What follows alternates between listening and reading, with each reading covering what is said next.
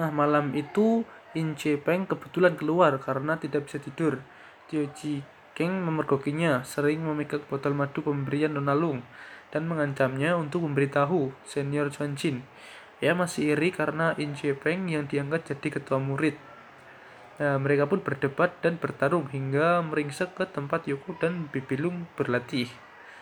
Nah, jadi si In Peng ini tetap tidak terima karena ada juniornya yang malah diangkat menjadi ketua murid tadi. Dan dia dilengsarkan dari jabatannya